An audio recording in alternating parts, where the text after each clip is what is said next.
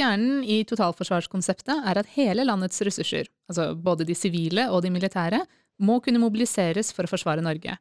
Men hvor mye har vi egentlig av en ressurs, og hvor mye kan vi eventuelt produsere? Hvor i landet er de ulike ressursene, og er ressursene mobile? Svaret finner vi i en ny FFI-rapport. Ugradert, en podkast fra Forsvarets forskningsinstitutt. Velkommen til denne episoden av FFIs podkast Ugradert. Mitt navn er Katinka Brattberg, og jeg sitter her sammen med sjefsforsker ved Avdeling totalforsvar, Gunn Alice Birkemo, og Rebekka Hykrud Viste, som hadde sommerjobb ved FFI her i fjor. Velkommen hit. Tusen takk. Tusen takk. Eh, I dagens sikkerhetspolitiske situasjon så har det jo naturlig nok blitt mer oppmerksomhet knyttet til Norges forsvarsevne. Og i 2023 så kom Totalberedskapskommisjonen med en rapport der de understreket at det er behov for å undersøke hvordan samfunnets samlede ressurser kan mobiliseres i beredskapsarbeid. Og da er det jo nyttig å ha en oversikt over samfunnets samlede ressurser, og det har dere laget i rapporten Geografisk fordeling av sivile ressurser for forsvaret av Norge, som nylig ble publisert. Så si meg, Gunnar-Lis, hva slags oversikt er egentlig dette? Eh, det her er jo en eh, oversikt over sivile ressurser som eies av kommersielle aktører, først og fremst. Og vi har prøvd å kartlegge de her eh, ressursene. Det er fire typer ressurser vi har kartlagt. Det er infrastruktur, mat, transport og vedlikeholdsressurser, som vil være ressurser som både sivilsamfunnet, men også militære organisasjoner vil ha behov for eh, ved veldig alvorlige kriser, altså fred, krise og krig. Og det, vi har jo ikke hatt et slags la oss kalle det et referansedokument. Vi har ikke hatt en faktabasert og kvantitativ analyse av dette tidligere, som, som vi på FFI kan bruke som, som et referansedokument, som jeg sa, men også som andre kan bruke når de, altså andre som jobber innen beredskap, kan bruke som et faktagrunnlag for sine egne beslutninger. Da. Og, så vi så at det var et behov for det, og da tenkte vi at Eh, det var veldig nyttig å få en, en eh, sommerstudent til å kartlegge dette. Men dere snakker da altså om fire ulike ressurser. Infrastruktur, mat, transport og vedlikehold. Kan dere ikke utdype litt hva dere legger i disse fire? Ja, um, vi eh, snakket jo veldig mye om det når vi skulle begynne. Sånn, det er jo et veldig stort område. Hva er egentlig de sivile ressursene, og hva, hvordan kan man måle en kapasitet, eller kapasiteten til Norge? Men så endte vi på disse fire, som på en måte litt eh, Både fordi det faktisk er mulig å måle de, og at det fins mye datagrunnlag for de. Så vi da endte på, på de fire. Um, så infrastruktur, der snakker vi jo om primært faste, stasjonære installasjoner, som både kan være fysiske og tekniske. Som vil si det man kanskje åpenbart tenker, som eh, lufthavner, kai, bane, jernbane, sånne type ting. Altså den typiske infrastrukturen. Terminaler, ekspedisjoner. Så hadde vi på mat, hvor eh, vi så mer på de eh, ja, den dataen som på en måte handler om hvordan man skal dekke de primære behovene innenfor mat. Da måtte vi jo se på hvilke data er det som finnes i forhold til det. Kanskje litt, litt vanskeligere å måle. Så da så vi annet på antall jordbruksbedrifter, areal av matproduksjon, f.eks. korn. Eh, oljevekster, slags, altså hvor mye vi har produsert mat innenfor kjøtt og fisk. Eh, avling i jordbruket, men også matlager. Da. Hva er det vi egentlig har av matlager? Transport, da snakker vi om antall kjøretøy, som lastebiler og varebiler, busser, eh, men også antall ansatte i transportnæringen. De er man jo veldig avhengig av for at det faktisk skal bli en ressurs man kan bruke, men også kjørelengde da, i forhold til veintransport. Så vi ser jo hovedsakelig innenfor transport på landtransport, ettersom både fartøyer og fly opererer der det er behov, og vedlikehold var jo den siste. Og da så vi annet på andel omsetning og antall verksteder, men også antall ansatte, altså de som faktisk kunne gjøre vedlikehold. Og da så vi jo gjerne på det opp mot transport, da. Så det var på en måte de fire ressurs ressurskategoriene, som da ble et veldig eh, ja, et veldig stort eh, og omfattende datasett til slutt, da, fordi det var så veldig mye data man kunne brukt, og så måtte man jo bare ja, begrense seg og bestemme hva som måte var mest relevant, og, og hva som hva som måtte sa mest om kapasitet. Hva var det som var mest målbart inn mot kapasitet, da? Og nå var du jo inne på det i starten her, Gunnalis, men hva, hvorfor har dere gjort denne studien? Jo, er, som jeg sa, så er det jo rett og slett eh, så enkelt som at vi må ha fakta på bordet for at vi som jobber med beredskap, enten det er oss som forskere, beslutningstakere eller beredskapspersonell, skal kunne gjøre gode og Altså vurdere gode og effektive tiltak eh, som, som, fungerer på de ulike stedene i Norge. Vi må kunne si noe om status, om det er nok ressurser til både sivile og militære i ulike situasjoner. Og som jeg sa, ettersom vi mangler denne oversikten, så ønsket vi på FFI å få en, både en, en sporbar og etterrettelig oversikt over uh, samfunnets samlede ressurser. Ja, og Totalberedskapskommisjonen var jo også veldig opptatt av dette i, uh, når de kom med sin kommisjon. Uh, da sto det veldig svart på hvitt at det var noe man trengte, da. Og vi ser jo mange eksempler på at ressurser, eller sivile ressurser hva skal jeg si, omfordeles. Vi ser det jo nå, f.eks. på Sør-Østlandet, der hvor det er snøkaos, og man må bruke frivillige ressurser Eh, for å transportere helsepersonell til hjemmesykepleien f.eks. Man bruker Røde Kors og Sivilforsvaret sine ressurser. Men uh, også Nato-styrker som trener i Norge f.eks., eller opererer i Norge, uh, og våre nærområder, vil jo ha behov for norske ressurser uh, når de er her. Og det vil jo være et omfang som er større enn det Forsvaret selv kan tilby. Så derfor så må vi også ha, må forsvarssektoren også ha, ha støtte fra sivile. Og da må vi vite hvor mye vi har, hvor mye kan vi ta bort. Um, ta med i våre beregninger hvor mye trenger sivile, og, og, og, vil vi da være i stand til å, til å transportere f.eks. Uh, de styrkene som vi planlegger å, å transportere fra et område til et annet. Uh, og andre FI-studier har jo vist at uh, mottak og fremføring av allierte styrker vil kunne mangle doble eh, det behovet for infrastruktur og transportkapasitet eh, i Norge i forhold til det Forsvaret selv trenger. da. Og Hensikten med studien var jo derfor å kartlegge nasjonal og regional kapasitet på de utvalgte ressursene som vi så på, eh, som da finnes i det sivile samfunnet, og som, både, som Gunnar var på, både sivilsamfunnet og Forsvaret er avhengig av for å kunne bruke i fred, krise og krig.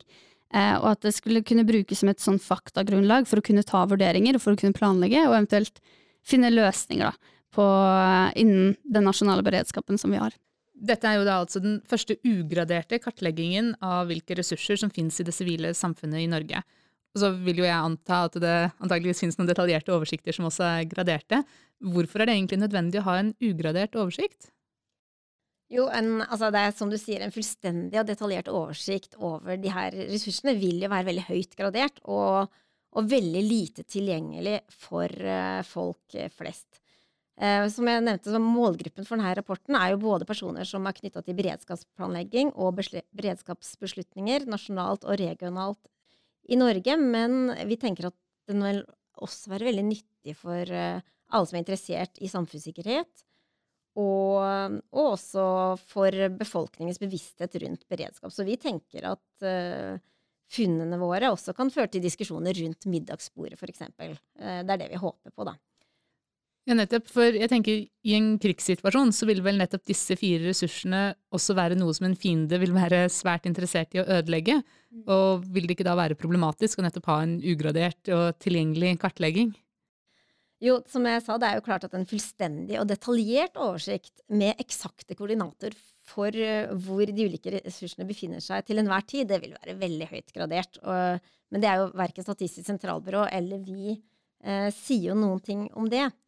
Så, så, det er jo derfor vi heller prøver å dele det i fire landet, i fire områder, for å si i en overordnet oversikt, sånn at man kan forstå OK, i Nord-Norge ser situasjonen sånn og sånn ut. Der er det uh, lite transportressurser, f.eks., noe vi har sett i denne, denne studien. Men så er det kanskje relativt, i forhold til befolkningen, så er det jo relativt mye mat, da. Eh, ser vi jo. Sånn at det er det der overordna bildet som eh, vi syns er viktig å få fram. Mm. Og så er det jo bare Jeg brukte jo kun åpne kilder, som vil si at du kan kunne søke opp alt dette på nettet selv og finne fram til det. Det vil jo selvfølgelig ta veldig lang tid, men, jo, men du har muligheten til å skaffe deg denne oversikten. Nå har vi jo to brutale kriger ikke så veldig langt uh, unna oss. Hvilke erfaringer høster vi fra Ukraina og Gaza som får betydning for vår egen beredskap her hjemme? Ja, disse, disse krigene det viser, jo veldig, det viser jo dessverre at dette er en veldig aktuell studie. Um, I Gaza så ser man jo f.eks. at tilgang på mat er blitt veldig katastrofal, butikkene er tomme, det er ikke strøm til å produsere mat, nødhjelpen når ikke fram, ifølge FN. Uh, og det står faktisk at 93% av befolkningen står i fare for å sulte. Um, og nå vil jo Norge se veldig annerledes ut i en krig, med tanke på ressurser man har på en måte til å begynne med, men likevel så gir det også et perspektiv da, på hvor viktig sånne ja, primære ressurser er, også i krig, um, dessverre, og, og, at vi må kunne forestille oss det her i Norge også. Og det samme ser man jo i Ukraina, betydningen av ulike ressurser, uh, og Forsvarets operative evne. For eksempel så var det en russisk kolonne på 60 km som ble stående helt i ro i flere dager, blant grunn av mangel på drivstoff og mekaniske problemer. Og ja, de militære styrkene ble både eksponert og er svært sårbare i denne situasjonen.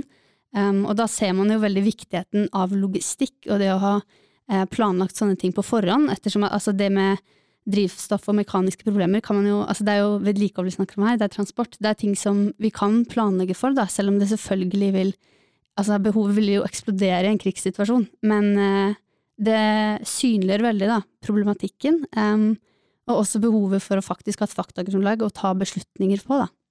Men uh, FFI har jo jobbet med de problemstillingene her uh, lenge, for de krigene vi har sett nå, FFI sin forskning på samfunnssikkerhet begynte jo allerede i 1994 med, med prosjektserien Beskyttelse av samfunnet, som allerede da så på de kritiske innsatsfaktorene i samfunnet, som strøm, mat, forskjellige infrastrukturer osv. Sånn at eh, De gjorde ikke noen kvantitative vurderinger, men de tok en sånn helhetsvurdering for alle de sivile samfunnsinnsatsfaktorene. Eh, mm. Og generelt så ser man jo også at krisene som samfunnet står overfor, de er jo blitt mer komplekse og sektorovergripende. Eh, at det er vanskeligere å skille mellom fred, krise og krig. Um, og ja, det ser man jo både med koronapandemien og digitale angrep, ekstremvær, klimaendringer. Altså det er så mange ulike typer kriser, da. Uh, og at uh, ja, den skillene blir på en måte vanskeligere, og at man må på en måte jobbe enda bedre sammen. Og da vil jo et sånn her kunnskapsgrunnlag være veldig essensielt for at alle skal ha samme forståelse, kanskje bevissthet da, til hvilket grunnlag man sitter med. For denne oversikten deres her vil jo ikke bare være aktuell å bruke i en krigssituasjon ved, mm. ved en fremmed makt som eh, invaderer. Det vil jo være flere andre typer scenarioer også hvor dette vil være relevant å, å ha oversikt over. Mm. Eh, det har jo vært en del eh, kriser de siste årene, og det har jo ikke bare vært eh, sikkerhetspolitiske. Vi har jo også hatt en stor pandemi, koronaen, som satte dette med forsyningssikkerhet og forsyningsberedskap på kartet. Sånn at det er jo helt klart at det både er sivile kriser, og det kan jo hende andre kriser enn en pandemi. Det kan jo være vær, klimaendringer, sånne ting, som også vil være kjempeviktig å kunne forberede seg på. Eh, og det vil jo i høyeste grad påvirke matproduksjonen, f.eks. Mm. Sånn at, eh, så denne rapporten her tenker vi er nyttig både for eh, hva skal jeg si, kriser som er i fred og mer alvorlige situasjoner som krig. Rebekka, du var jo inne på at du hentet inn informasjon som lå tilgjengelig på internett. Men kan du ikke fortelle litt mer om hvordan du gikk fram for å gjøre kartleggingen? Ja, det begynte jo veldig sånn stort. Jeg tror når Gunnar Lise begynte å forklare det til meg, så ble jeg liksom Så tror jeg ikke helt skjønte liksom konkret liksom kapasitet Du skal måle kapasitet, og så var det liksom ja, hva ser jeg på da, på en måte?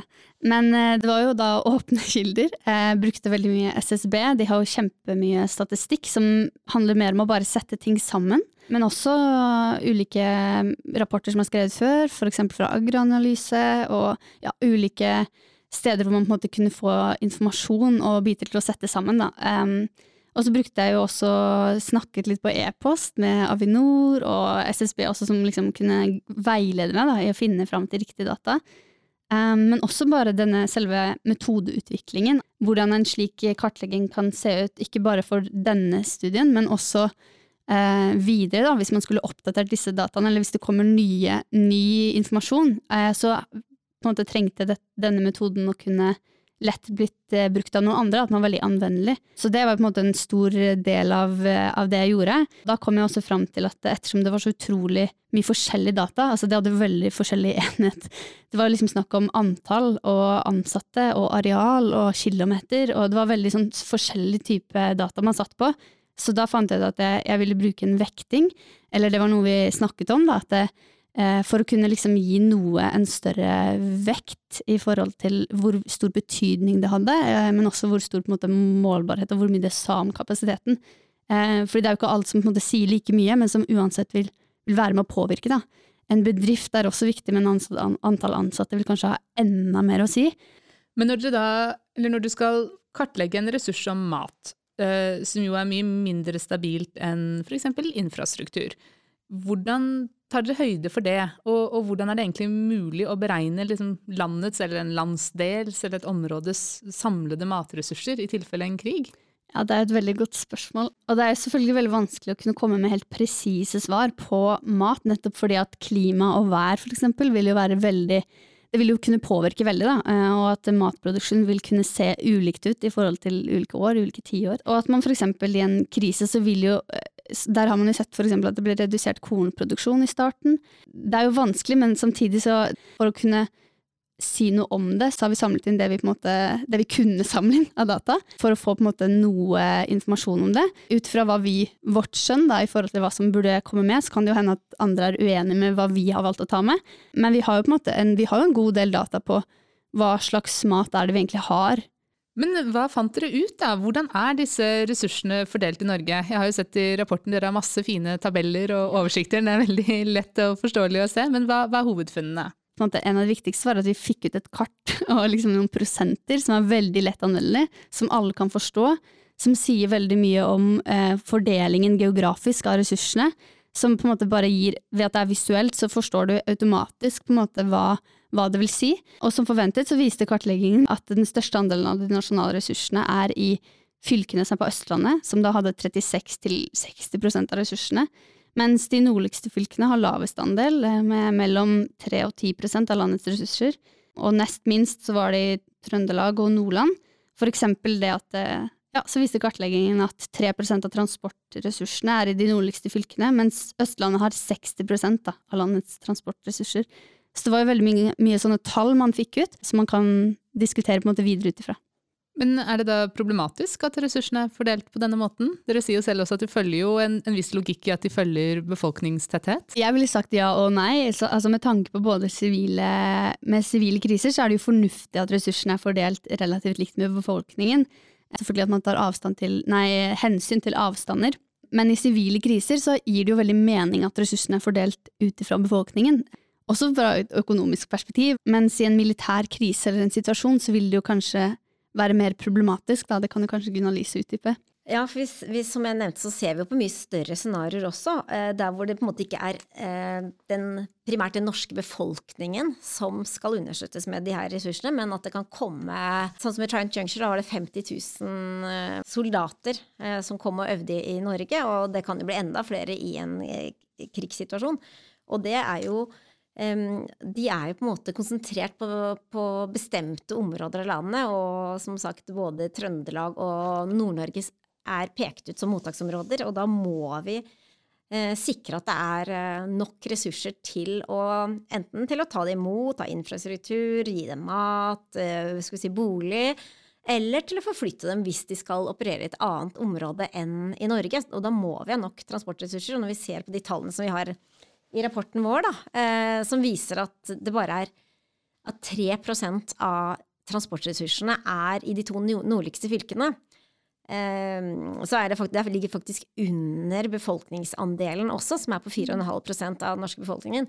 Så, så, må man på en måte begynne å tenke, tenke ok, hvordan Fins det måter da, altså å forflytte transportressurser til Norge? Og der har jo, Norge, nei, der har jo Forsvaret allerede en en beredskapsavtale med, med, Bring som gjør at de kan flytte transportressurser fra Østlandet og nordover. Men det, det kan jo ta noen dager, da. Eh, litt avhengig av hvor langt nord det skal være. Så det er, jo, det er jo, sånne ting man må ta, ta hensyn til. eller at man, Når du får problematisert det, eller du får det veldig sånn svart på hvitt med disse tallene, så finnes det jo nettopp, som Gunnar kommer med, da, at da kan man jo gjøre sånne avtaler, og man kan se mye mer på ok, hvilke løsninger har vi på dette.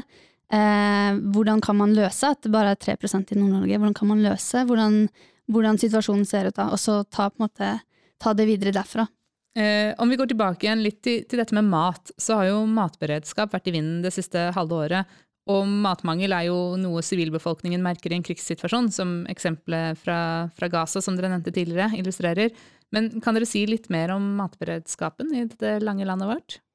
Eh, ja, det finnes jo per nå egentlig ikke noen eh, kriselager eller beredskapslager for mat i Norge. Eh, det ble jo faktisk ganske nylig vedtatt at det skulle komme et beredskapslager av korn i Harstad. Eh, så det er jo interessant. Eh, I forhold til måte, tallene vi har fått, så viser den at den relative mattilgangen på Østlandet er lavere enn i Trøndelag og Nordland, altså området mitt som vi snakker om. Um, der hvor andelen er på Østlandet 51% opp mot matkapasiteten på 36 mens i Trøndelag og Nordland så var det 13 i forhold til befolkningen, mot 25% av matkapasitet. Som betyr at når befolkningen har andelen 51, så vil jo 36 være veldig mye lavere i forhold til altså 36 av matkapasiteten være mye lavere enn det befolkningen skulle tilsi. Mens Trøndelag og Nordland har jo en befolkning på 13 ut av prosent, ut av hele Norge. Men så har de 25 matkapasitet. Um, så det å forstå på en måte bildet, sånn hva er det faktiske eh, maten vi har, eh, i forhold til geografiske plasseringer, men også eh, med tanke på hvilken, mat, hvilken, matvarer er det behov for å lagre. Hvor er det de har de ulike eh, hvor er det de har, Hva er det de har av ulik type mat? Altså Er det fisk, eller er det korn, eller er det, eh, er det poteter? Altså hva slags type mat er det man har? Eh, og så kunne på en måte finne ut av da Eh, altså at disse funnene kan være interessante i forhold til videre planlegging av geografisk plassering av beredskapslagring, da, um, og hvilke typer mat det er behov for å lage på hvilke områder, som jeg tror bare vil bli mer og mer interessant, og komme, jeg tror det vil komme flere diskusjoner om om dette er noe Norge burde gå videre på. Man ser for eksempel at uh, de finske, altså i Finland så er det et helt annet, uh, en helt annen realitet, hvor de har kriselagre over hele landet. Selvfølgelig vi ikke vet eh, akkurat eh, hvor de er lokalisert, men de har eh, kriselagre for mat i Finland, nettopp på grunn av eh, ja, de krisene som vi snakker om, da, som de har tatt i bruk i ulike situasjoner. Um, så det er jo noe man nå kan se til, da, hvordan alle andre land har gjort det, og hva er det Norge velger å gjøre videre.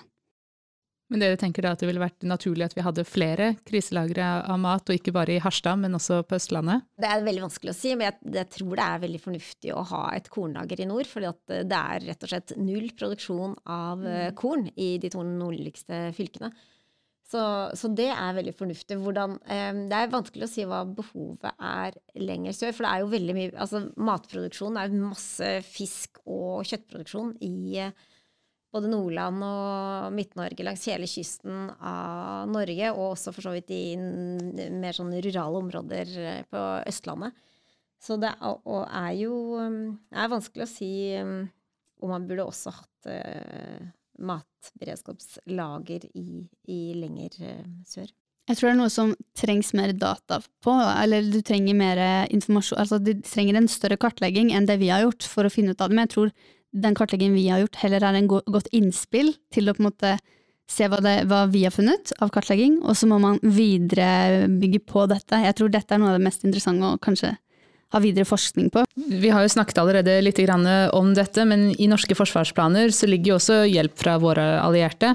Og det stiller naturlig nok krav til at vi kan ta imot og støtte allierte styrker som kommer for å hjelpe, altså det vi kaller vertslandsstøtte. Men hva tenker dere om det, da, etter å ha studert fordelingen av de sivile ressursene i landet? Dere var inne på mangelen av ressurser i, i Midt-Norge, blant annet. Ja, men de, som nevnt, de nordiske forsvarssjefene pekte på eh, Trøndelag og Nord-Norge som to av fire nordiske allierte mottaksområder. Eh, samtidig som vi ser at det er de områdene med minst sivile ressurser, og som dermed har lavest kapasitet regionalt til å til å gi versjon støtte. Da. Så det er jo, derfor er det jo behov for å vurdere mulige regionale behov og tilhørende løsninger for å kunne, kunne forberede et uh, eventuelt alliert mottak. Da. Og det er jo ting som Forsvaret faktisk jobber med akkurat nå.